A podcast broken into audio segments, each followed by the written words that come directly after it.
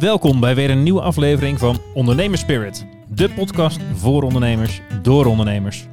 Ook te volgen op Instagram en LinkedIn, dus volg en like ons op die kanalen. En natuurlijk via je favoriete podcast app.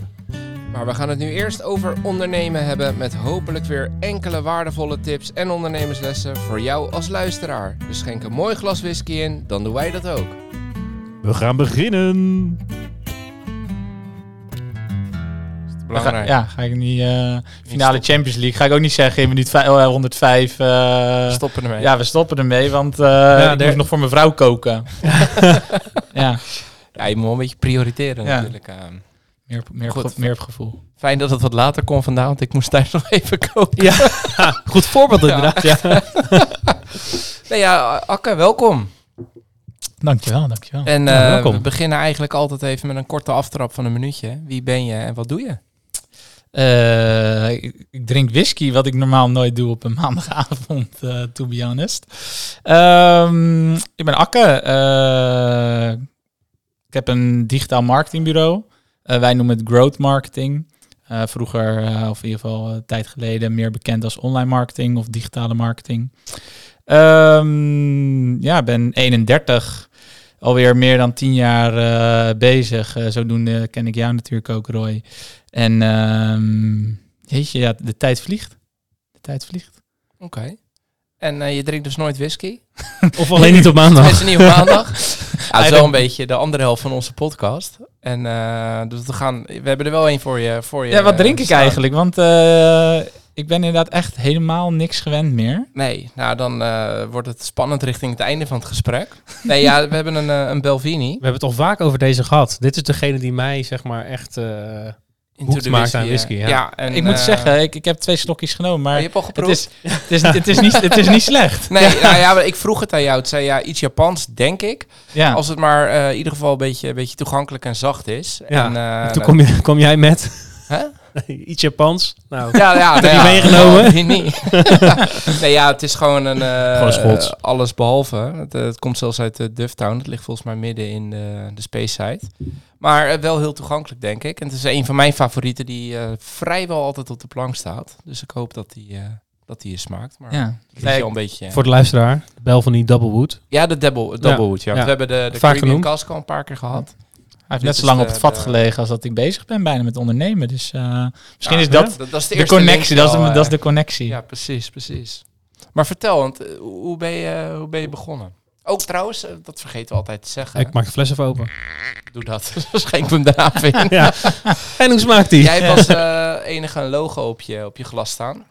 Het ondernemerspirit logo. We hebben eigenlijk maar één job. Eh, of jij hebt één job. En dat is, hij moet op zijn voordat we klaar zijn. Dat en dan, eh, dan kan je mee naar huis nemen. Dus, Ik ben vrij eh, competitief ingesteld, dus Ja? eh, dat, dat gaan we, dat gaan we we regelen. hebben het over het glas, hè? Ja. De rest van de fles hoeft niet. eh.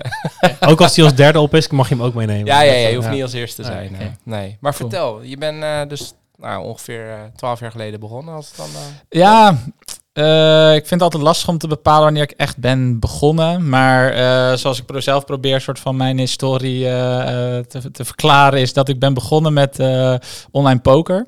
Eh, kansspel, dataspel, eh, voor sommigen misschien eh, gokspel, maar ik was daar op vroege, vroege leeftijd eh, door, mijn, door mijn broer mee eh, in, in aanraking gekomen. Eh, heb ik ook een tijdje tijdens mijn studie vrij serieus gedaan. Heel veel toffe mensen ontmoet.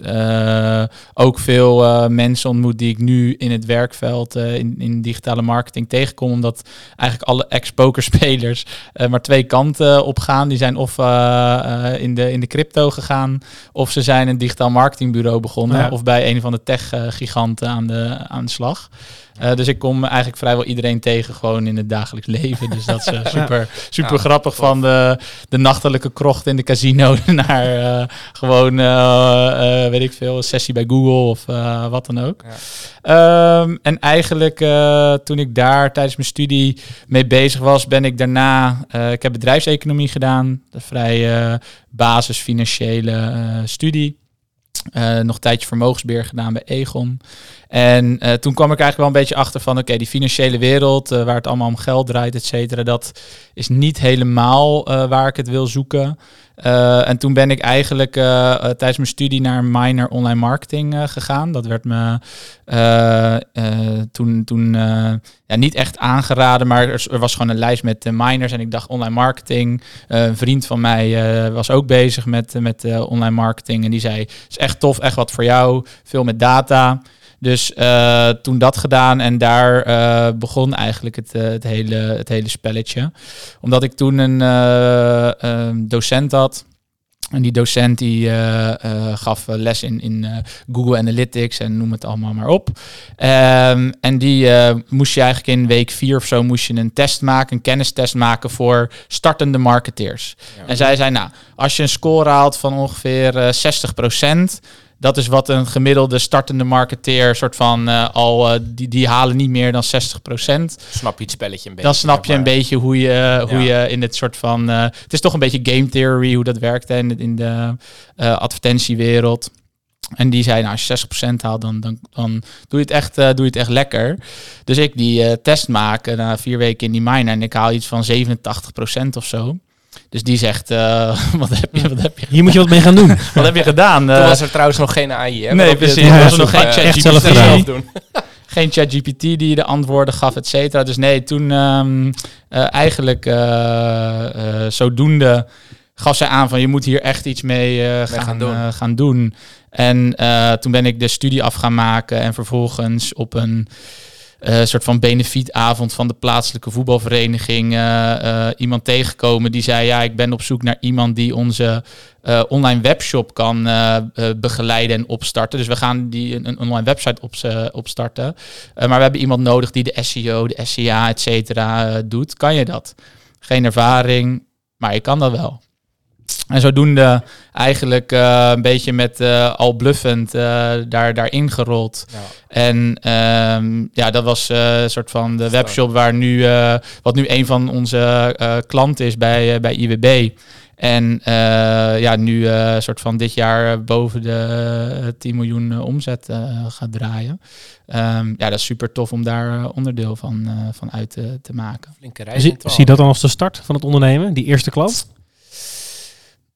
Of eigenlijk daarvoor al? Nou, daarvoor was ik ook alweer bezig met een eigen website. Eh, ik had dus eh, in, die, in die poker community was het eh, heel normaal om soort van kennis met elkaar uit te delen. Eigenlijk echt een super, we waren super early adapters als het gaat om eh, kennis delen, om te vermenigvuldigen. Dus als jij iets deelt, kan je daar A, iemand anders blij mee maken, want die kan ervan leren, maar je kan er zelf ook eh, meer van leren. En, en moet ik dan denken aan, aan, aan technieken of bepaalde kansberekeningen Ja. op een bepaalde manier maken? Ja, Of, dus dat is echt precies. gewoon eh, door handen, een soort van handen met elkaar te delen. Dus je, elke keer in een, in een poker software systeem kan je de eh, handen die je speelt, kan je soort van worden gewoon gedigitaliseerd in tekst, om het zo maar te zeggen. Ja, ja, ja. En die kan je dan gewoon eh, als een scriptje op een website plaatsen. En dan laat hij gewoon exact zien wat er is gebeurd.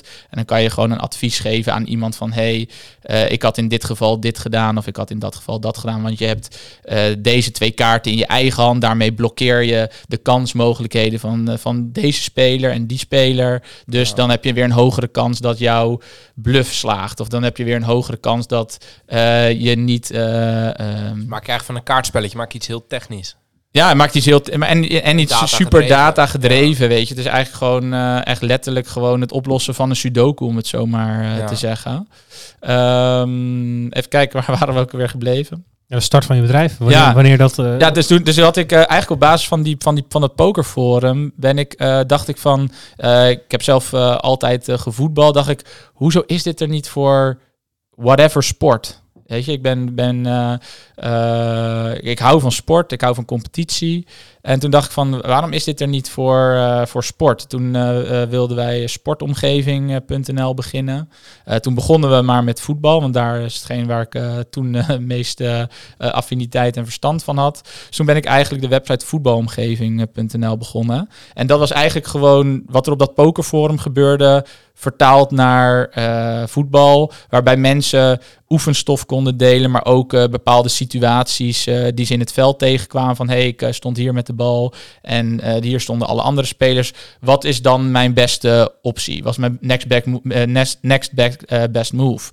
En dan krijg je eigenlijk een beetje hetzelfde als wat je met schaak hebt of wat je Ja. met schaak online kijkt. En eh, dat is het uiteindelijk niet geworden. Eh, als in, het heeft echt heel veel eh, mooie connecties opgeleverd, heel veel mooie resultaten eh, behaald. Want ik krijg nog steeds eigenlijk wekelijks soort van in mijn mailbox alle comments van, van YouTube binnen. Van die, van die oude filmpjes nog. ja, van die oude films zijn ook gewoon, lachen. ja, zijn echt, het is toch Gaat best wel apart dat echt meer dan een miljoen keer, ik denk inmiddels wel misschien wel meer dan drie of vijf miljoen keer al die video's zijn bekeken. Want we hebben er in totaal wel echt veel, eh, veel gemaakt. Ja. Maar dat, daar is het eigenlijk een beetje begonnen met echt ondernemen als in ehm, eh, geld ophalen en een website doorontwikkelen en daar ook een soort van de eerste fouten eh, gemaakt met Ja. gelijk bezig zijn met het eindproduct. Als in, oké, de website die moet perfect zijn. En eigenlijk wat er dan gebeurt, en dat is ook iets wat we nu bijvoorbeeld bij, bij IWB eh, eh, meenemen, is... Kijk, eh, dat, was, dat was ooit een advies van de, weet ik nog goed, bij, bij Brunotti zat ik ooit een keer. Het, het, het short, board, het board short strandmerken Ja, ja, Brunotti. ja. En toen zei die Chief Operating Officer zei tegen mij, Akke, de grootste fout die mensen maken is dat ze aimen voor 100%. De tijd die het kost om op 100% te komen, tegen de tijd dat je op jouw 100% zit van drie maanden geleden, is nu nog maar 80%. En ga je weer opnieuw naar die 100%. Ja, ja, Dan krijg je eigenlijk een soort van never-ending story, never-ending iteratie naar iets dat er nooit gaat komen. Dus En bedoel je dan ook tot het moment van, dan pas wil ik launchen? Of- Ja. ja, ja, precies. ja, dus dan ga je het niet launchen. Nee, Want over drie maanden is de wereld alweer zo veranderd dat je zegt, oké, ingehaald door de de- realiteit. ja, en exact. En dan ga je dus... En tuurlijk ga je niet eh, nooit live, maar je zal altijd dan soort van te langzaam live gaan of te Als je langzaam... het over eh, competitie hebt, dan zijn er anderen die hebben iets wat eh, misschien voor jou 70% voelt. Ja. Maar voor klanten goed genoeg. Exact, Dus dan zit jij in je kantoortje te klagen en laatste, te vloeken dat het allemaal zo slecht is. En dat jij veel beter bent. Ja. Maar En ik denk dat ik dat ook wel mee heb genomen uit die, uit die, uit die pokerwereld. Is dat het enige wat je hoeft te doen is beter te zijn dan de kaarten van je tegenstander. Dus je kijkt eigenlijk niet naar je eigen kaarten. Maar je, je speelt in op wat jouw tegenstanders aan kaarten hebben. En je moet alleen maar zorgen dat je beter dan dat doet. Ja. Eh, want als je gewoon beter bent dan, dan het alternatief, dan Is het al goed genoeg? is het al goed genoeg. En daar ben je al de beste op Ja. dat moment. Alleen later komt er, komt er dan een eh, stukje. Visie bij. En dan komt er een stukje kwaliteit dat je zelf ergens voor wilt staan. En dan, Ja. maar in die, in die beginfase. Ja, in die beginfase was dat, is dat echt gewoon, eh, ja, dus dat gewoon echt, eh, ja, een soort van hosselen. Ja, dat is grappig. Het is niet de, de, ik moet opeens even denken aan, eh, wat is het, dat boek van Simon Sinek, Start With Why. Dat is niet echt eh, aan de hand. eh, het is Start With Hosselen. ja, en dan verzinnen we daarna de why er wel bij. nou, dat is oprecht denk ik wel. Kijk, tuurlijk, als jij alle tijd van de wereld hebt en alle geld, eh, Start With Hosselen, ja. als je alle tijd van de wereld hebt en alle geld van de wereld hebt en, je, en er, is, er is geen urgentie om, Live te eh, gaan. Ja, het soort van, dan, dan kan je gewoon echt eh, aan die why werken. Ja. Eh, alleen denk dat dat niet voor iedereen eh, nu is weggelegd. Had ik ook dat- van type bedrijf af. Er zijn natuurlijk mensen die echt zeggen van, ik zie dit misgaan in de wereld en dat wil ik fixen. En dan is dat je drijfveer. Ja, maar ik zie dat dus denk ik dan ook in 95% van de gevallen misgaan. Omdat je dus te veel tijd neemt. En dan komen er ook weer... Dan halen anderen je ook weer in, ook op dat visionaire. Want uiteindelijk is alleen maar achter een bureau zitten studeren... ook naar mijn idee niet voldoende. Nee. Je zal Zeker naar buiten niet. moeten gaan. Je zal Ja. die klanten van jou moeten aanspreken... om te, erachter te komen of hetgeen wat jij bedenkt of hebt bedacht... echt toegevoegde waarde levert. Ja, Ja. Is, dat wel, is dat überhaupt wel een probleem? Jij kan het wel als probleem zien. Maar als jouw potentiële klant Ja. het helemaal niet als probleem ervaart, Ja. dan bouw je iets voor niks. Ja, dus ik heb die, Ah. die eh, toen wel redelijk snel ook eh, de Lean Startup van Eric Ries. Ja, dat Ja. is voor mij echt ook een, een in die tijd soort van eh, Handboek- tien jaar geleden handboek. echt gewoon een, een soort van bijbel om eh, te accepteren dat je gewoon sneller vooruit moet. Dus je een soort van maakt niet uit hoe, kruipend, wandelend, fietsend, als je maar vooruit gaat. Ja. En niet eh, proberen een, een, een auto te bouwen die op een snelweg kan rijden. Terwijl je eigenlijk ook gewoon eh, op het, het fietspad eh, morgen kan pakken. Ja, precies. Ja. Om maar te zorgen dat je rijdt. Ja, En, dan En leren, door- leren. Die Ja. eerste tijd is gewoon alleen maar leren. Maar het is wel mooi dat je het zegt, want ik ben zelf, nou, dat, dat weet je, toen ik 18 was, ben ik van het VWO naar Nijrode gegaan, universiteit. Dat was dan vier dagen werken, één dag studie.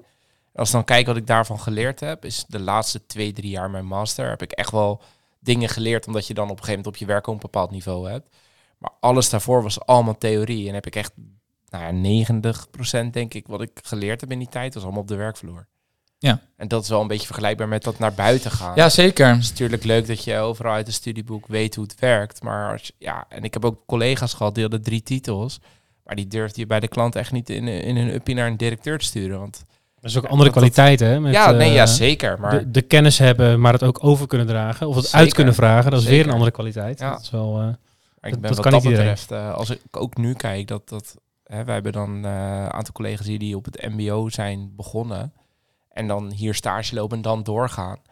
Ja, die heb ik tien keer liever dan iemand die alleen maar universitair geschoold is en dan 25 is en voor het eerst gaat werken.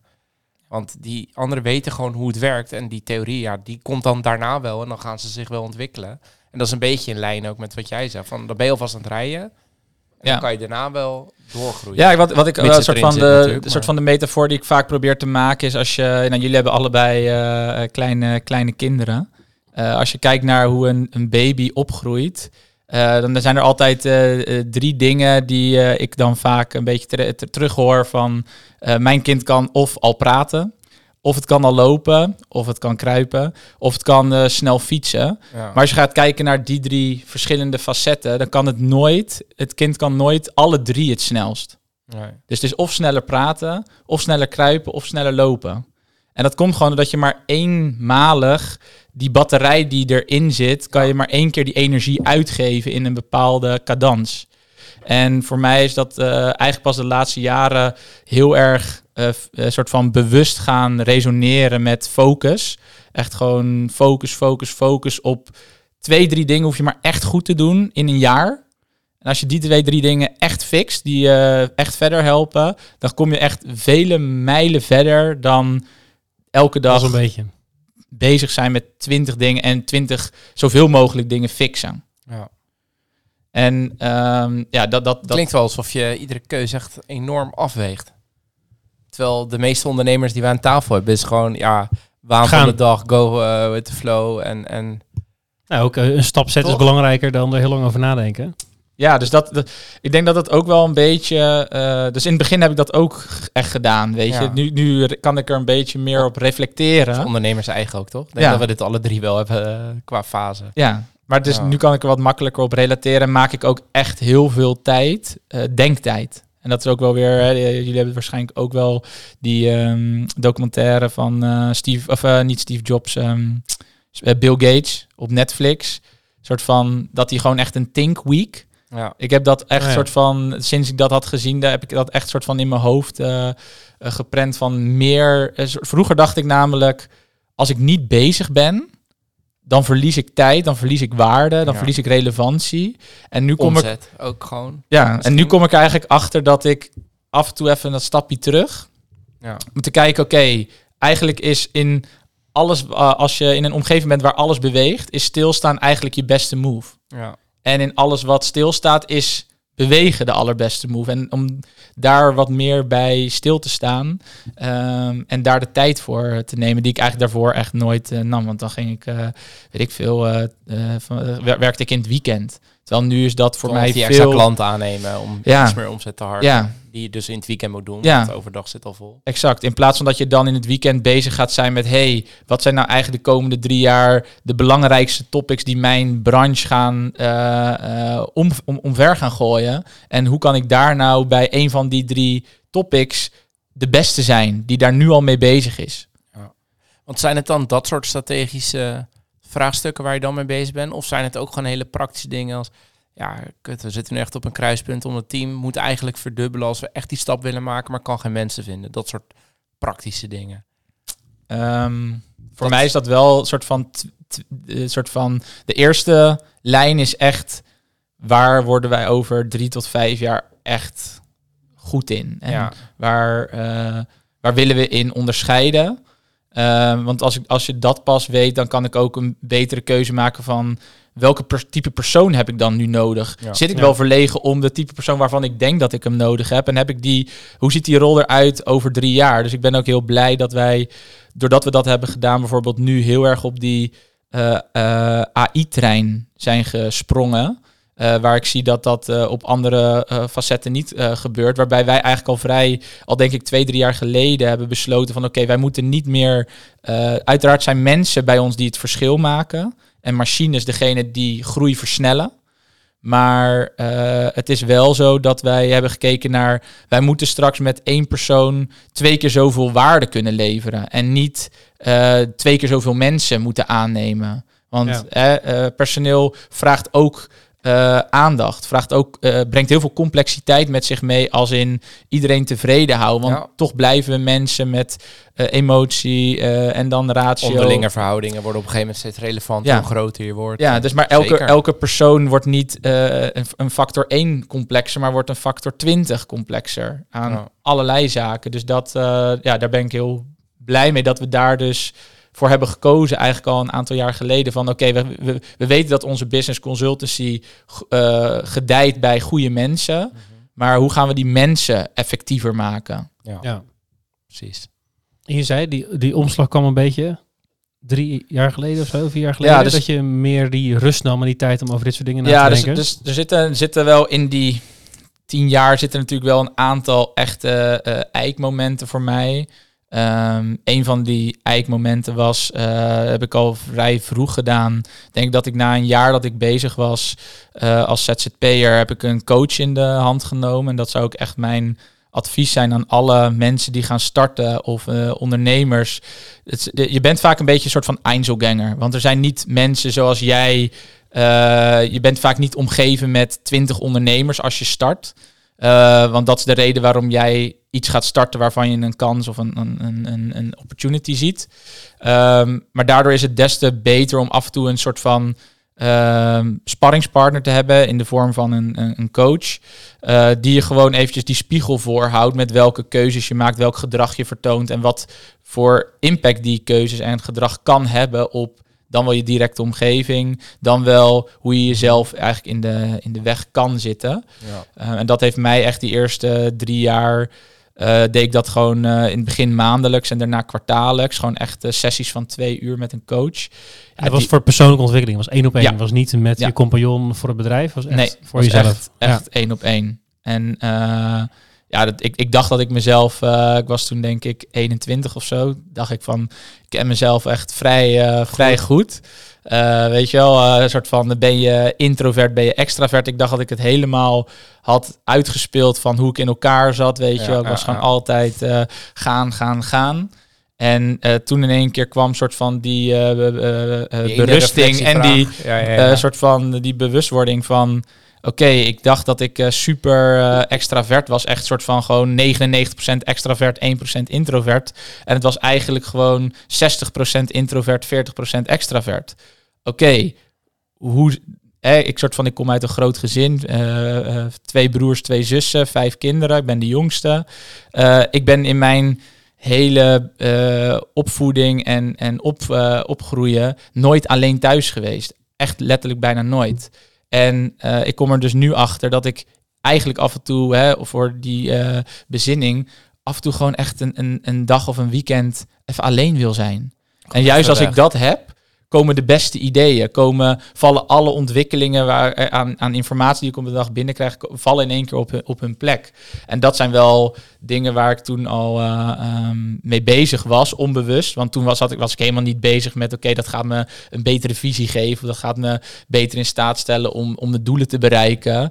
Uh, ik wilde gewoon eigenlijk op korte termijn geholpen worden met, ik heb het idee dat ik stagneer. Ja. Uh, kan je mij helpen om ja, ja, uit die stagnatie te komen? Maar dan, dan vergelijk een, een, hoeveel coaches heb je versleten in die tijd? Eén. Eén. Het was echt hoe gewoon... goeie. Nee, maar hoe? Want heel eerlijk, als ik... Uh, want ik vind dit ook een heel spannend onderwerp. En ik ben daar ook best wel mee bezig. Maar als ik dan ga zoeken... Ja, dan zie je coaches en dan denk ik, ja... Ja, ik had echt... De helft valt sowieso af, want die zeggen dan, dan al de verkeerde dingen. Ja. Maar die andere helft, dan zijn er misschien uh, 500. Hoe vind ik nou die ene... Waar, waar, waar moet je op letten dan? Die, waarvan, want... Voor mij was het echt gewoon instant gevoel. Ja. Gewoon... Uh, kwam letterlijk... een andere vraag dan hoe je naar buiten liep en een antwoord blijkbaar. Ja. Dus die coach is, dat, dat ja. vind ik knap van een coach. Ja. En um, ik denk dat dat ook wel een beetje zit. ja, ik wil niet, een soort van, je moet niet denk ik iemand zoeken die echt super complementair, of een soort van eh, niet super complementair is, dus volledig de andere kant, maar ook niet eh, volledig hetzelfde is. Nee. Eh, voor mij was het echt gewoon, ja, het kwam gewoon echt. Kwam hij wel dezelfde branche? Nee, Ook dus niet. het was gewoon, eh, ik deed toen een eh, soort van young eh, professional, young leadership weekend van ehm, de Rotary. Dat, dat, dat Mhm. kennen jullie waarschijnlijk ja, wel. Ja, ja. En daar kwam ik gewoon een vrouw tegen, eind 40, begin 50. Eh, en daar kwam ik gewoon ja. eh, naast te zitten tijdens het diner. En we hadden het gewoon over. eh, ik had het over voetbalomgeving waar ik mee bezig was. Dat ik mensen wilde, beter wilde maken. of in ieder geval, ik wilde mensen uitdagen om niet nee als antwoord te accepteren. Maar gewoon dat je altijd meer uit jezelf kan halen dan je denkt. Ehm, en dat eh, was ik zo een beetje aan het vertellen. En eh, zij was al directrice geweest bij de Rabobank en had al allemaal mensen eh, en, organisaties gecoacht.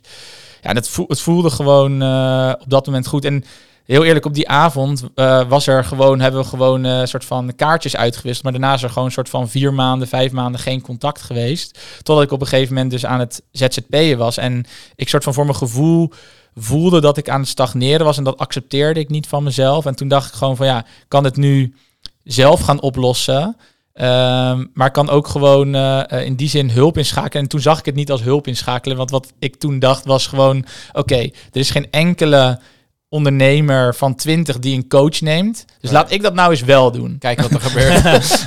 en, en, en zodoende kwam ik eigenlijk, eh, belde ik haar. En toen was het gelijk weer gewoon dezelfde klik als die we toen hadden. En dat is denk ik wat je, wat je gewoon wil. Dat je naar iemand die je een half uur spreekt, gewoon echt het idee hebt van wow, deze heeft gewoon een soort van inzichten. Die, die, die, die eh, be- benadert bepaalde methodieken of modellen.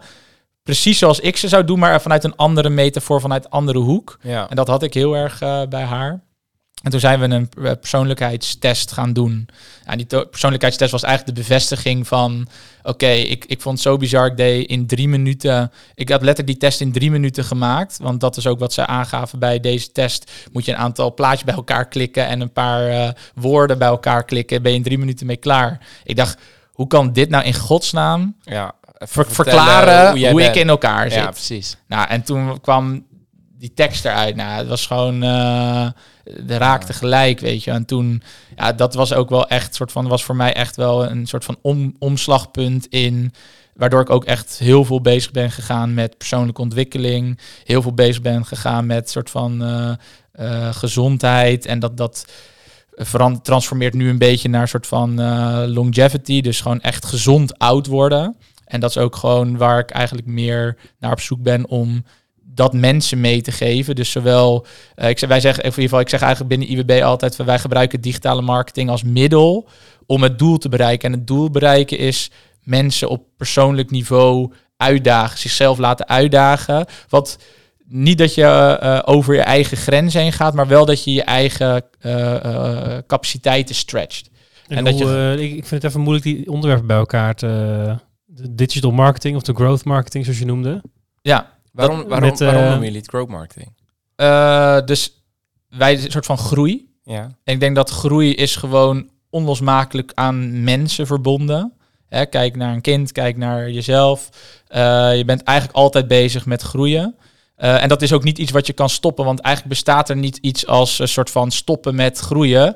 Want eigenlijk hoe de natuur werkt is als je stopt met groeien, dan val je gewoon af. En dat is waarom we een soort van het growth marketing ook willen noemen, omdat het niet, ja, sommigen noemen het online marketing, maar wij doen alles met een digitaal touchpoint. Nou, dan ga je digitale marketing noemen. En nu doen we eigenlijk niet meer alles wat met een digitaal touchpoint is, maar willen we overal impact op hebben wat soort van eh, groei van een bedrijf raakt. En dat kan zowel zitten als in omzet als winst, maar ook in de mensen. Ja. En dat van die mensen, daar zijn we eh, nog niet altijd, maar daar zijn we wel een soort van, daar denken wij wel over na. Van hoe kunnen wij onze klanten slimmer maken eh, en de mensen van onze klanten slimmer maken. Want als wij slimmere sparringspartners hebben, gaan we betere beslissingen nemen. Gaan we betere beslissingen nemen, gaan we meer rendement of meer resultaat boeken. Als wij meer resultaat of rendement gaan boeken, er is nog nooit iemand die mij heeft ontslagen omdat ik, te, omdat ik genoeg rendement opleverde. Dat is iets waar mensen soort van eerder verslaafd aan raken dan dat ze dat willen eh, Mhm. opgeven. Dus dat Ja. is een beetje de filosofie. En dat is wel een beetje misschien soms contra van wat andere partijen in onze markt in ieder geval doen. Omdat die eigenlijk soort van willen beschermen. Gewoon eh, nog het liefst eigenlijk uurtje factuurtje. Eh, terwijl wij eigenlijk eh, probe- echt proberen te zitten op waardecreatie. Ja. Je betaalt ons niet voor iets dat we in acht uur kunnen. Jij moet eigenlijk willen dat wij het in twee uur kunnen. Want als wij het in twee uur kunnen, hebben we die andere zes uur over om te kijken naar wat kunnen we eigenlijk nog meer doen. Ja, ja, precies. Dus je gaat veel meer kijken naar wat is het waard. Ja, Maar dan moet je ook die klanten vinden. Want ik denk ook dat je vaak gesprekken hebt waarbij de klant zegt... ja, maar wacht even, jullie zijn hier vier uur mee bezig. Waar moet ik daar 1000 euro voor betalen? Of 2000 of weet ik Ja, wat. dus dat is dat zeg is, je dan ook, joh, maar dan ben jij niet ons type klant? Want er zijn eh, heel veel bureaus die het op die manier benaderen. En dan betaal je inderdaad die 300 euro, maar succes met de uitkomsten. Dat laatste zeg je misschien niet, maar dat denk je. Ja, maar ik denk dat wij dus proberen om zodra we die gesprekken hebben, Mhm. om echt nog twee keer door te vragen van Wat eh, wat soort van wat is het waard? Wat is het je waard geweest? Dus niet kijken naar wat heeft het gekost, maar wat is het waard geweest? En wat het waard is, heb je daar dit bedrag voor over? Ja. En natuurlijk is dat niet altijd eh, eh, dat we daar 100% in, in scoren. Maar ik denk dat we daar wel ja, super ambitieus in zijn en dat ook goed doen. Want als we daar niet goed in waren geweest, dan hadden we ook de, de groei niet doorgemaakt die we nu eh, hebben doorgemaakt. En want wat maakt dan jullie echt fundamenteel anders dan jullie concurrent? Want er zijn natuurlijk heel veel bureautjes die zitten, nou ja, je zei net al online marketing, digital marketing, nou, growth geef het een term. ja. Nee, maar goed, Ja, ja, eh, zeker, voor, een leek, ja, dat is allemaal hetzelfde. Ja. Ik ga jullie heel veel geld betalen en dan hopelijk krijg ik meer leads op Google. Even Ja. de, kan de ik meer spullen verkopen. Dat is tot uiteindelijk Toch? de... ja. Ja. maar waarom dan ehm, kiezen ze dan toch voor jullie? Is dat dan dus dat... Ja, ik denk dat, ik denk dat we dus, eh, en dat doen wij ook in ons soort van eh, acquisitieproces, ehm, een aantal dingen belichten. Eh een van die dingen is dat wij dus willen ehm, educatie van onze klanten en vooral de mensen van onze klanten als, als een van onze drie prioriteiten hebben en ook een van onze drie beloftes. Ehm, dat is ook waar alle partijen naar op zoek zijn, want die willen eigenlijk heb je altijd, als, anders ga je geen externe consultant in de hand Mhm. nemen, heb je eigenlijk iets niet in-house wat je wel in-house zou willen hebben. Dus daar gaan partijen denk ik bij ons op aan. En dat is ook gewoon letterlijk iets waar wij veel tijd aan spenderen. Dus wij doen veel kennissessies voor onze eh, partners. We doen veel kennissessies voor mensen die bij onze partners werken, et cetera. Eh, daarnaast denk ik, en dat komt een beetje vanuit de filosofie, wij hebben de ambitie om een beetje de BCG, McKinsey, Bain van growth marketing, digitale marketing geeft de naam eh, te worden. Dat betekent dat we eigenlijk veel meer op het proces en op de strategie zitten dan op operatie. En ehm, ik denk dat sowieso die hele operationele laag, kijk nu naar ChatGPT en alle AI-dingen die eraan gaan komen. De vraag is überhaupt over vijf jaar, bestaan er nog websites? Ja, geen idee.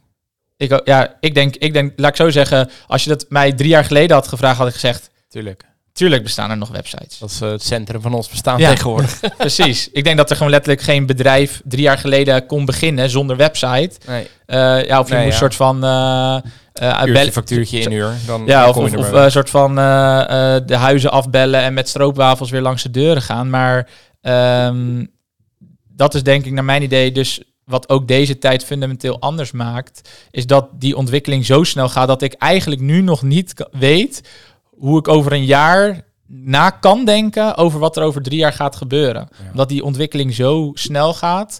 Ehm, en ik denk dat wij dat, die onzekerheid eh, omarmen. Ja. En dat ook En niet als bedreiging zien. Nee, en, en, en, maar ik denk dat wij dat ook eh, eh, omarmen en dat aan onze klanten laten zien. Dat wij het omarmen en dat we ze hun ook mee laten nemen om in een veilige omgeving dat te omarmen.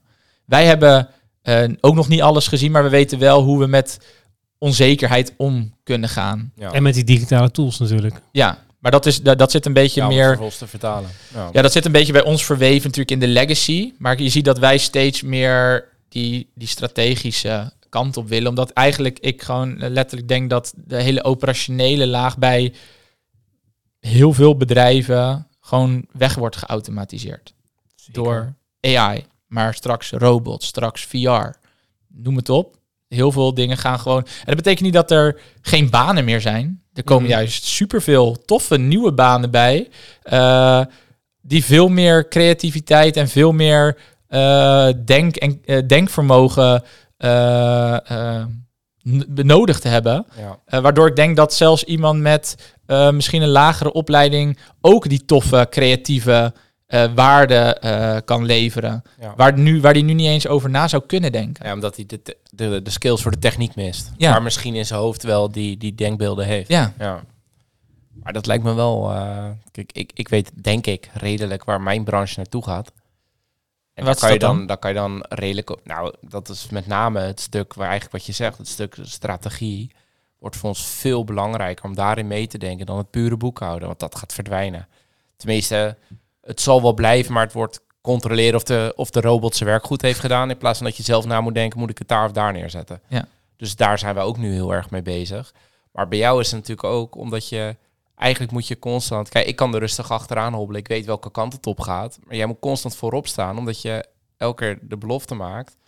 Ja. dat je die, die, die, die, ja, eigenlijk die techniek omarmt. Maar Ja. dan moet je dus wel constant in die driver's seat zitten ook. Ja, maar dat is ook Dat wel lijkt weer... me best lastig als je dat in Ah, een kan- onzekere kan markt niet. moet doen. Nee, precies. Nee, maar dat, eh, eh, volgens mij hoeft het ook niet, zeg maar. De, de klanten die, volgens, ik denk dat het, de mensen die dit soort type bureaus inhuren, die willen graag gewoon iemand die komt uitleggen wat er allemaal is.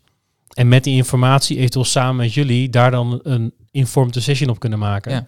Want iedereen snapt dat jij ook niet kan voorspellen waar het naartoe gaat. Nee. Eh, maar zij, zij kennen het niet, zij weten het niet. En dan heb je iemand nodig die Nee, er maar wel op een overzicht strategisch over heeft. niveau, dan praat je vaak wel over drie tot vijf jaar.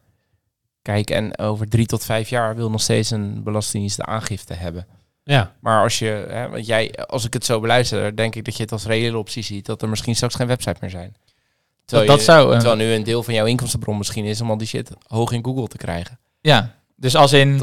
Snap Ja. je? Dus die, die, die Ja, maar ik denk dat er dan... verandering Kijk, dan is de vraag, oké, na websites, wat gaat het dan Ja. worden? Ja. Oké, dan gaan er... Je eh, moet toch naar ChatGPT kunnen. Nou ja, ik denk dat dat is een soort van... website nodig. Ja, precies. Nou, ChatGPT gaat dan... Uiteindelijk moet je dus wel een bak aan informatie gaan aanleveren... die ChatGPT dan kan aangeven van... oké, eh, dit is het advies van Roy en dit is het advies van Paul. Oké, welk van de twee past het beste bij jouw vraagstuk? Mhm. En op basis daarvan ga jij credits krijgen of eh, eh, een soort van afrekenen in waarde. Eh, maar de stap daarna is VR, AR, metaverse. Dan ga je straks gewoon. Jij hebt nu geen fysieke winkel, om het zo maar te zeggen, waar mensen langs kunnen komen. Straks krijg jij misschien wel een, een, een goed op orde winkel in de metaverse, waar mensen gewoon op belastingconsulent kunnen komen en gewoon helemaal met jou kunnen interacteren, alsof ze, eh, terwijl ze bij spreken in, in, eh, in Costa Rica wonen. Ja. En dan krijgen ze toch jouw belastingadvies eh, helemaal vertaald in het Zuid-Amerikaans. Ja, ja, ja. Eh, ja, een soort van. ja, je k- kan bijna niet over nadenken wat er Ja. allemaal gaat gebeuren. Ik vraag, me dit al, ik vraag me dit altijd een beetje af, omdat dit wordt al jarenlang voorspeld dat het er bijna aan zit te komen. En ik snap ook wel, hoe langer we dat zeggen, hoe dichterbij we er ook echt gaan komen. Maar toch blijf ik altijd een beetje sceptisch over, want als je met mensen over praat, wij maken ook AI-tooling. En nu pas sinds ChatGPT er is, beginnen mensen voor het eerst een beetje te snappen dat dit blijft. En nog steeds is er heel veel weerstand. Ehm, en ik denk, zeg maar, dit gaat allemaal niet gebeuren zolang mensen het nog niet vertrouwen. En mensen vertrouwen het echt nog niet. Heel veel van die dingen. ja, ik, weet niet, misschien heb je hele vooruitstrevende klanten waar het Dat wel zo is. Ja, dat denk ik ook. Want ik Maar ook de, heel de, de eerlijk. hoofdmoot van de mensen is, heeft er De- nog een aversie tegen. Ja, maar die, bedoel die, die snappen het niet, die vinden het eng, die wantrouwen het. Ja. Ja, En- omdat ze eh, bang zijn omdat ze, dat ze gaan verliezen. Ja, Ja, ja, wellicht je- zit dat eraf. en als je bang bent om te verliezen, ga je verliezen. Ja, en dat Ah, is ja. grappig, want he- heel eerlijk, ik zit natuurlijk ook Neem de gewoon in mijn... de crypto. eh. Ik zit, ik zit natuurlijk ook gewoon in mijn bubbel. Eh, want ook eh, ik kom wel eens op eh, feesten en partijen waarbij ik, als ik dan eh, over AI of over ChatGPT begin, dat, dat 9 van de 10 zeggen. ChatGPT, eh, wat is dat voor? eh, is dat een nieuwe formule wiskunde op de basisschool of zo? Ja, ja, ja, Ja. ja. Oké, Ja. maar goed, ik denk wel dat er, is echt veel meer tractie dan dat ik Ja, vijf zeker. jaar geleden Ja, zag. En ik zie het gewoon, ja, een soort van helemaal. Kijk, ik denk dat soort van gaming en, en online shopping en al dat soort dingen, dat zijn gewoon first movers. Dus wij zitten gewoon wat dat betreft vooraan in, in de voorste wagon van die trein. Ja, ja. logisch dat wagonnetje 60 nog niet echt door heeft dat we een tunnel ingaan. Nee. Maar ik zit al in het donker. Ja. Ja. Ja, precies. Maar als ik ook eh, bij ons in de branche, we spreken natuurlijk ook heel veel concurrentenkantoren. Als je al ziet wat daar een verschil in zit. Dus ik durf wel te stellen dat wij met goed op orde echt wel vooruitstrevend zijn in het omarmen ook en het accepteren dat het gebeurt. Maar als je dan kijkt dat er ook echt nog kantoren zijn die gewoon letterlijk de bank handmatig inboeken. Of in Excel alles doen. En Accept Ja. gyro's invullen. ja, ja, nee, maar echt, echt op dat niveau gewoon, weet je Ja. wel. Of serieus, en dat mag ik misschien niet hardop zeggen, maar ook gewoon nog ergens een bestand op een computer hebben staan met, met, met misschien wel 400 DigiD's. Die nu dus tegen de, tegen de beperking aanlopen van ja, kut, als ik nu een aangifte moet doen, moet ik eerst mijn klant bellen voor dat sms-codetje. Want ik kan niet meer alleen met een gebruiksnaam inloggen. Dat ik denk, ja, maar dit zat er op zich al een jaar of zes, zeven aan te komen. Ja. Even los van of je het überhaupt moet willen als kantoor. Ja. Maar dus dan merk je binnen zo'n branche al dat daar een onwijs verschil in zit. Maar heb jij dat dan ook? ja, tuurlijk. Ik bedoel, er zijn natuurlijk, ja, weet ik veel, 5000 concurrenten. Althans, die zou jij niet allemaal als concurrent zien. Allemaal die, digital agencies die alleen maar busreclame doen. ja. ja, nou ja, bij wijze, nou ja, we hebben ze gehad. Dat, dat je inderdaad echt wel de online marketing. En dat ze dan eh, zeiden van, ja, hoe heet zo'n ding? Een Abri of zo? Zo'n Ja. bushok. Nou ja. ding. dat, dat kwam er dan uitrollen. En dat was dan Ja. voor een bedrijf die bijvoorbeeld eh, software bouwt. Of in ieder geval iets digitaals deed. Dat je denkt, ja, dan, dan weet je niet de markt waarin je zit. Nee. Maar dat zullen, dat zullen jullie ook wel... Tuur- tuurlijk. En ik denk dat wij. Als het dan gaat om digitale adoptie, dat wij wel een soort van, ik noem het dan ook weer op zoek zijn naar die vooruitstrevende partijen. eh, die gewoon, eh, wij noemen het altijd, eh, als, als wij een soort van onze ideale klant omschrijven, zeggen wij, die, die heeft de ambitie dat hij marktleider wil worden in zijn niche. Mhm. Of hij heeft internationale groeiambitie. Namelijk, hij wil de grenzen verleggen. Ja. Letterlijk. En ehm, ja, dat, dat trekt ook wel een bepaald, aan, een bepaald type persoon aan. wa- waarom is Ja. dat jouw, jullie ideale klant? Eh, omdat die dus die groeimindset Ja, heeft. precies. Van wat dat hij ook falen wat meer accepteert en omarmt. Eh, tuurlijk eh, betekent dat niet dat je tien keer achter elkaar kan, kan falen. Maar het betekent wel dat je wat meer vergevingsgezind bent. En dat je dus ook Ja. accepteert dat je soms vijf keer voorop loopt, maar ook een keertje mislaat. Ja, precies. En dat wij vinden dus eigenlijk die mindset van onze klanten het allerbelangrijkste. Omdat daar ga je, daar maken wij het verschil. Omdat we dan vrijuit in een veiligere omgeving kunnen proberen te excelleren. Ja, en dan ga je vaak excelleren. Ja, en dan word je dus ook niet afgerekend als je een keer mislaat. Exact. Want je hebt al een keer een home run geslagen Ja, waar je vier punten mee hebt Dat is binnen. wel een beetje Amerikaanse mindset, toch? Denk ik. Als je kijkt naar de algemene Nederlandse mindset. Zeker, zeker. Als je failliet gaat, ben je een mislukte ondernemer. In Amerika zeggen als je nog nooit failliet bent gegaan, ben je geen ondernemer. Nee, maar dat.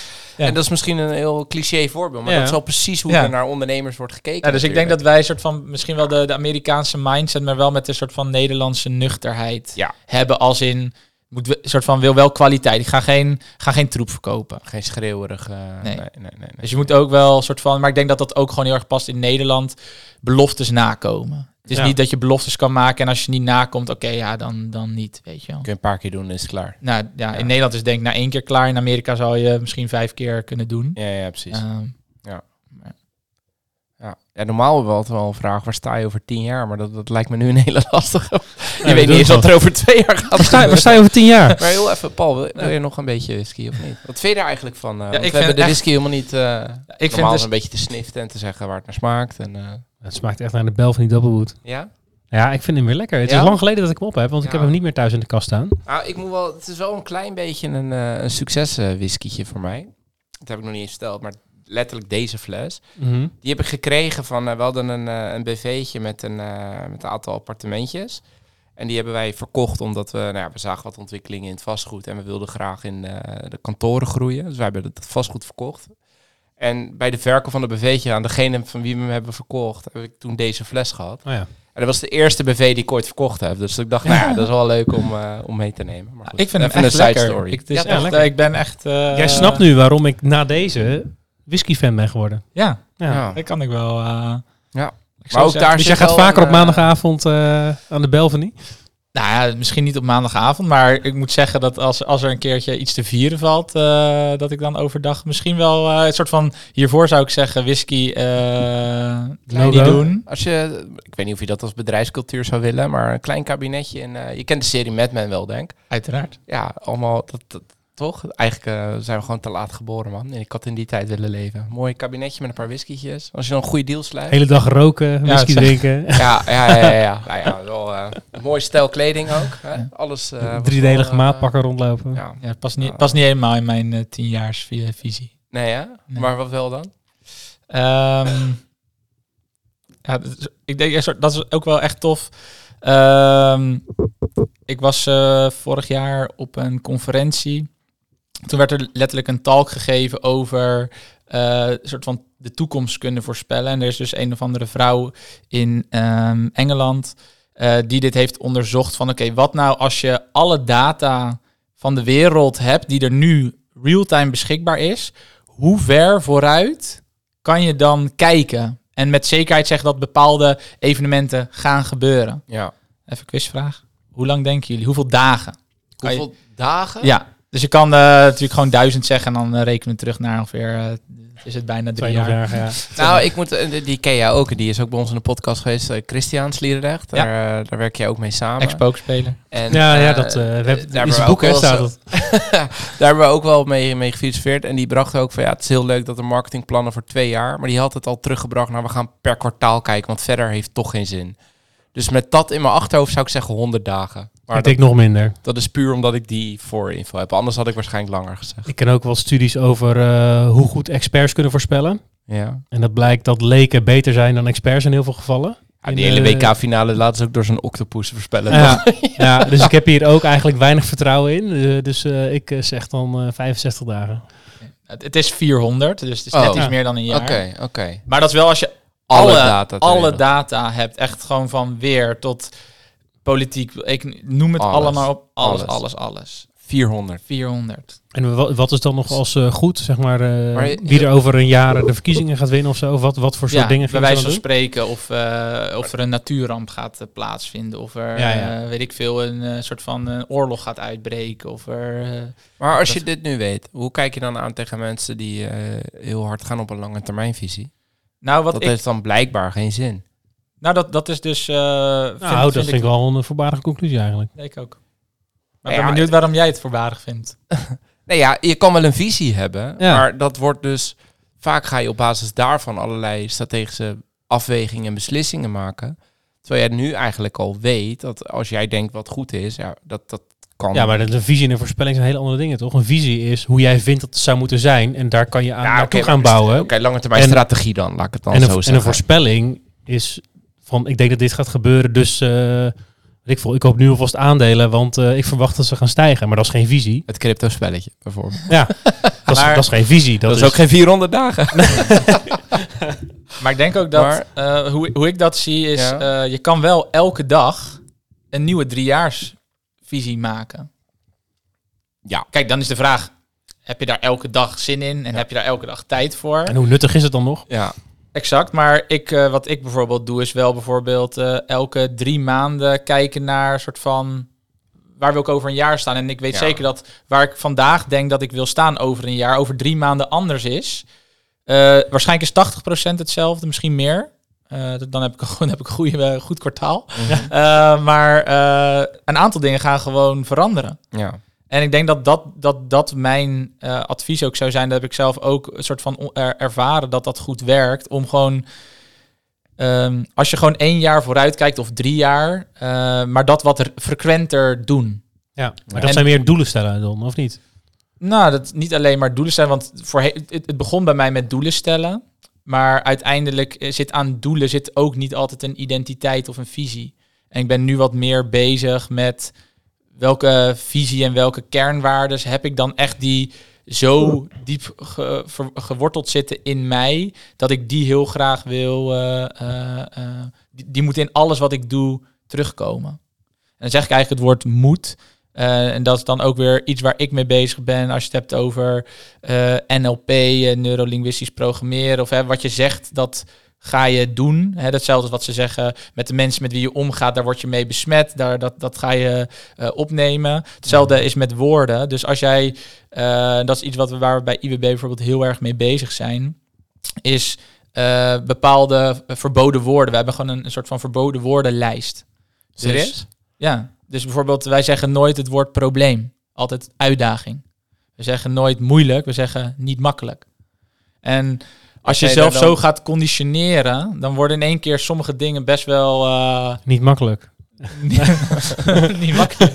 Nee, maar vind ik wel heel interessant. Want daar ben je dus, eh, dat is een stukje cultuur binnen je team dan. Ben je daar dan zo op aan het hameren? Ja, dat is echt dan- mijn obsessie bijna. Ja? Dat is echt heel... eh, Maar Maar waar gaat dat goed? Want ik, ik kan me heel goed voorstellen, ik heb het ook wel eens zien gebeuren, dat dat tot een negatieve sferen kan leiden. Ja. Omdat je dan elkaar zit af te rekenen van nee, de Een verboden volle boetepot. Ja, volle Nou, ja. dat, dat, dat kwam toevallig vorige week eh, bij ons op kantoor voorbij. Dat we inderdaad een soort van voor bepaalde woorden dan inderdaad een eurotje in Oh ja. de pot eh, dienen te gooien. Nou, dat is dan een beetje een soort van gekkigheid. Maar Mm. bij ons zit daar dus ook Er is wel een gedachte achter. Ja, maar, Ja. maar bij ons zit dat ook dus wel. eh, het is niet dat mensen daarop worden. dat als je drie keer het verboden woord zegt. dat je geen promotie maakt of whatever. maar Nee. het gaat wel meer om. als je elkaar dus kan corrigeren daarop. En eh, ik denk dat als men, mensen ervaren wat dat doet. Als het dus wordt geaccepteerd. De- wij hebben ook als een van onze kernwaarden is veilige omgeving. Dus je mag fouten maken. Want heel eerlijk, in de omgeving waar wij in opereren. gaan er dingen mis. Tuurlijk. Dus als je daar geen fouten mag maken, dan krijg je een soort van super eh, eh, defensief gedrag. Dat is Ja. niet wat je nodig hebt Maar als dan, je... dan kom je ook weer terug op jouw eerste verhaal. Dat je eerst, dan ga je naar die 100% voordat je wil launchen. Exact, Ja, dat zit hier natuurlijk in principe ook in. exact. Dus wij hebben gewoon heel duidelijk een soort van aantal van die, van die core eh, principes. En wat geeft het jullie terug dan? Ik denk dus ja, mindset van mensen, ehm, vertrouwen. ehm, ja, en dus dat eh, die veilige omgeving die ook weer wordt, ik noem het even generaties, wordt doorgegeven. En dan is een generatie bij mensen in een bedrijf eh, niet zoals eh, normaal dat je een generatie ongeveer 30 jaar bestaat. Bij ons is dat misschien 2, 3 jaar. Ja. Maar dat wordt wel generatie op generatie. Nu zie je dat doorgegeven worden, waardoor je een veel stabielere fundering krijgt van je, Ja. van je bedrijfsvoering. En dat is ook de reden waardoor wij nu wat meer naar die visieontwikkeling meer mee, een soort van meer tijd kunnen besteden aan die visieontwikkeling. dat is uiteindelijk een stukje volwassener worden van Ja. je bedrijf natuurlijk. Ja, en daar, daar, ga je, ga, daar gaan we uiteindelijk van doorgroeien. ja. Ik ga hem weer even terugpakken. Van, Ja, ik, waar, je groei, me echt net voor. waar groei je dan naartoe eh, over tien jaar? Ja. Ehm, Verschrikkelijk al. Je moet de politiek in. eh.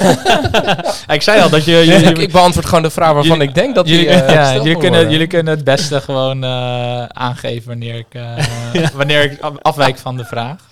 Ehm, maar waar ik over tien jaar sta, ehm ben veel bezig met gezondheid. Dus wat ik al zeg, gezonder ouder worden. Ik, ik zou het echt iedereen gunnen om eh, minder hard en minder lang hard te moeten werken. Mhm. En dat enige, de enige man- manier waarop je dat naar mijn idee kan realiseren is als je gewoon met je koppie en met je lichaam eh, in balans bent. Ja. En heel eerlijk, dat is echt keihard werken. Dus dat is ook weer een beetje een soort van de contra. Ja. Want dat is ook nee zeggen tegen bepaalde dingen die op korte termijn heel leuk zijn, maar op lange termijn niet bijdragen.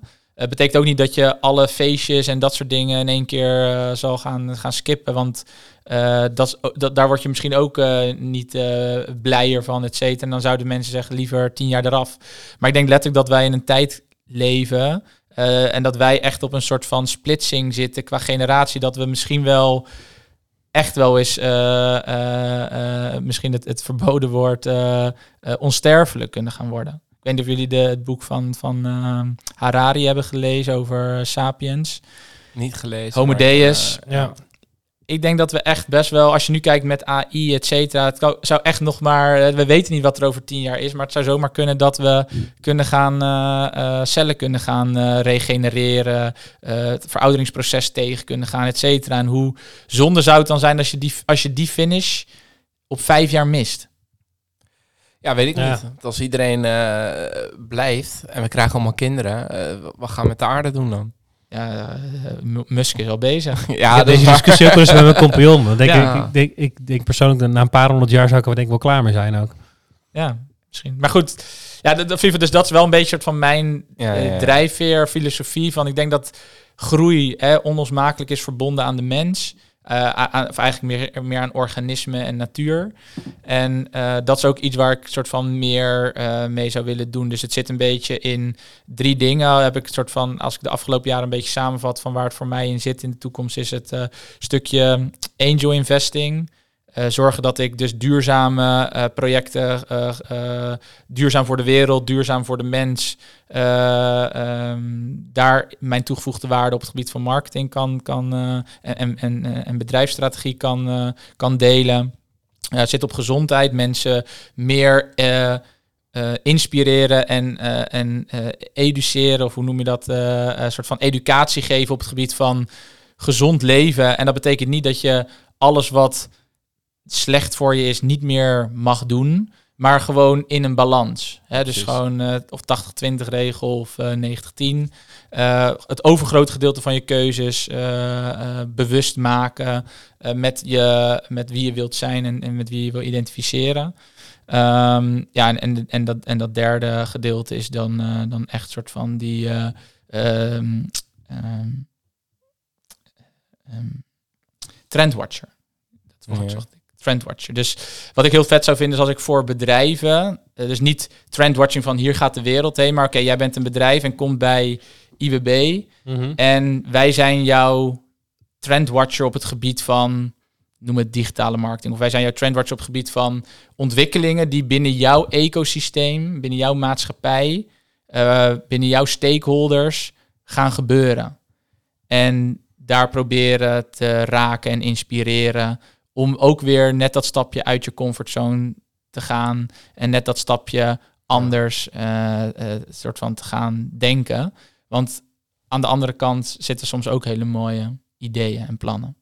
Ja. Ja, Dat de, is- de vraag die we altijd aan aan koppelen is van, eh, stel dat je er bent over tien jaar. Ja, nou schuif maar naar voren denk ik, of niet? Wat, eh, ja. Heb je dan een eh, fles voor succes?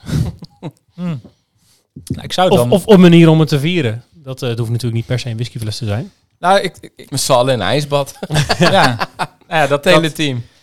Gefeliciteerd. Ja. Ja. Ga maar in drie graden zitten. nou, wat ik, wat ik wel, eh, want dat is denk ik ook wel een belangrijke. eh, en dat, dat, heb ik echt wel. eh, ik, ik, zou, ik zou nog niet zeggen dat ik er een expert op ben, namelijk is tussentijds successen vieren. Dus eh, we hebben het nu over wat als je over tien jaar dat haalt, heb je dan, ga je het dan vieren? Ehm, hoe? Staat er iets voor klaar? Heb je daar, ja, heb je daar een idee bij? Nee, dus eigenlijk niet. En ik denk dus dat dat ook eh, te maken heeft met eh, het feit dat ik dus denk dat je op veel kortere, dat je veel kortere iteraties moet, eh, of moet, hè, niet moet hebben, Mag hebben. eh, mag hebben. Dat je veel, dat, dat het handig kan zijn om, om korte iteraties te hebben Ja. eh, van kortstondige succes- en geluksmomentjes. Ja. Heb En- je daar dan wel iets voor? Zeg maar dingen om met het team te vieren van oké, elk kwartaal of elke maand of elk jaar of whatever. Elk jaar sowieso. Dus eh, we gaan elk jaar op offsite. Dus dat eh, gewoon eh, in, of in het buitenland of in ieder geval op een externe locatie, vier dagen. Lekker met elkaar teambuilding. Kijken naar de toekomst, maar ook eh, reflecteren op wat hebben we afgelopen jaar goed gedaan. eh, waar hebben we van geleerd. Eh, heel erg die, die persoonlijke ontwikkeling daarin stimuleren. En ook eventjes gewoon even dat stapje terugnemen. Dat die, die, de soort van het voet van het gaspedaal af om te kijken van oké, zijn we nog waar we willen zijn? En gaan we nog steeds de goede kant op? Ehm, maar als ik kijk naar mij- mijzelf als soort van eh, eh, als individu, dan doe ik dat, eh, probeer ik dat heel erg te doen met ik hou van lekker eten, wie niet. Maar ik soort van ik, ik kan echt genieten van. dat is voor mij echt gewoon een avond in theater. En naar, naar een goed restaurant gaan is gewoon een avondje uit, een avondje theater.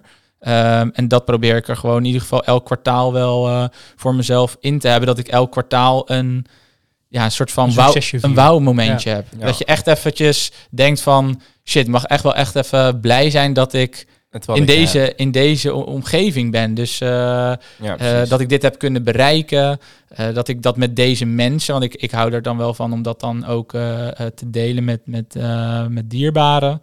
Ehm, ja, want in je eentje is het ook maar in je eentje. Dus ja, Ja. Dat, dat is een beetje een soort van hoe ik dat ehm, ja, voor, voor me zie. ja. Soort van vaker, vaker successen vieren. Dus dat dat is- het behapbare stukjes maken en het vaker vieren. Ook al is dat Ja, herkenbaar. vieren Ja. voor sommige mensen. Ik denk dat als, als je som, aan sommige mensen gaat vragen of ze het idee hebben dat ik dat soort dingen doe, dan denk ik niet dat ze allemaal per definitie zijn dat ik die succesjes vier.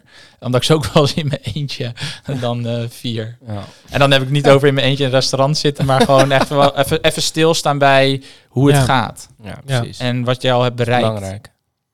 Tof. Want het is toch wel eh, een, een, mooie, een mooie tijd waarin we leven, denk ik. En ik denk dat Dat denk ik ook. elke, elke tijd heeft eh, iconen. Hè? Dus soort van, ik denk dat de iconen uit onze generatie straks, eh, die straks eh, gaan overlijden, eh, een soort van Elon Musk, et cetera. Natuurlijk is het soms misschien echt een, een beetje een crazy guy. Maar ik denk dat de wereld er ook echt heel veel aan heeft. Op alle Zeker. vlakken, op alle Zeker. facetten. Dus, ehm, en ik denk dat dat van alle generaties is. Vroeger had je dat en nu ga je dat krijgen. En in de toekomst, over twintig jaar, ga je dat ook krijgen. Al zal het dan misschien niet meer een mens zijn, maar een, emo- een emotionele robot. Ja, ja, precies. Hey, ik denk dat Nice. eh, de luisteraar eh, boordevol tips naar, eh, Naar huis is gestuurd. straks op stop drukt. Maar heb je nog een ultieme tip voor iemand die wil starten met een onderneming of net begonnen is, waarvan je zegt, ja, dat heeft mij echt verder gebracht. Je noemde net al het coaching, maar heb je nog iets van, ja, Ja, echt. dat moet je echt doen. Naar mijn idee is dat echt, eh, maar dat geldt Ach. niet alleen maar voor ondernemers, is echt investeer in jezelf. Dat is echt de enige investering die, waar je echt nooit, maar ook echt nooit spijt van gaat krijgen. Je kan elke euro maar één keer uitgeven, maar die euro's die zijn, die tellen echt dubbel. Voor Ja. mij is dat echt wel eh, de les. Eh, en of je dat nu doet in coaching of in gezondheid. eh, eten. nou, in gezond eten. Eh, in een van die dingen. En ik had voor mezelf altijd de stelregel 10%. En dat was toen een beetje veel toen ik 20 was. Maar toen had ik ook niet zoveel eh, verplichtingen. Eh, zei ik gewoon, oké, 10% van mijn inkomen gaat naar investeren in mezelf. Want dat is eigenlijk het duurste stukje vastgoed. Ja. Mooi. Ja. Mooi einde. sluiten we mee af. Ja. Als jij nou het laatste slokje nog even neemt. Ja, de investering in jezelf. Vind je het glas? Onze investe- onze investering in jou, een mooi glas. En, het, echt, eh, het was een goede investering hoor. ja? Want eh, ik was echt vrij sceptisch over whisky. Maar eh jullie Ja. hebben me toch even iets bijgebracht op die nee, maandagavond. we hebben iemand Kijk. hoekt gemaakt. Ja. En eh jou zie ik volgende week weer, denk ik. Jou zie ik zeker volgende We week. weten weer. nog niet waar we het over gaan hebben. Nee, maar dat komt wel goed. Denk het ook wel. Dankjewel. Tot, Tot de dan. volgende. Thanks voor je tijd. Dankjewel voor het luisteren naar weer een aflevering van Ondernemers Spirit, de podcast. Hopelijk vol met wijze ondernemerslessen en natuurlijk inspiratie voor schitterende whiskies. Volg ons op Insta als je dit vaker wil en subscribe natuurlijk eh, op Spotify. En help ons eh, zo aan een grotere fanbase. En eh, ja, dat wij meer ondernemers en whiskyliefhebbers kunnen inspireren met onze mooie verhalen samen en met een gast. Tot de volgende keer. Tot de volgende keer.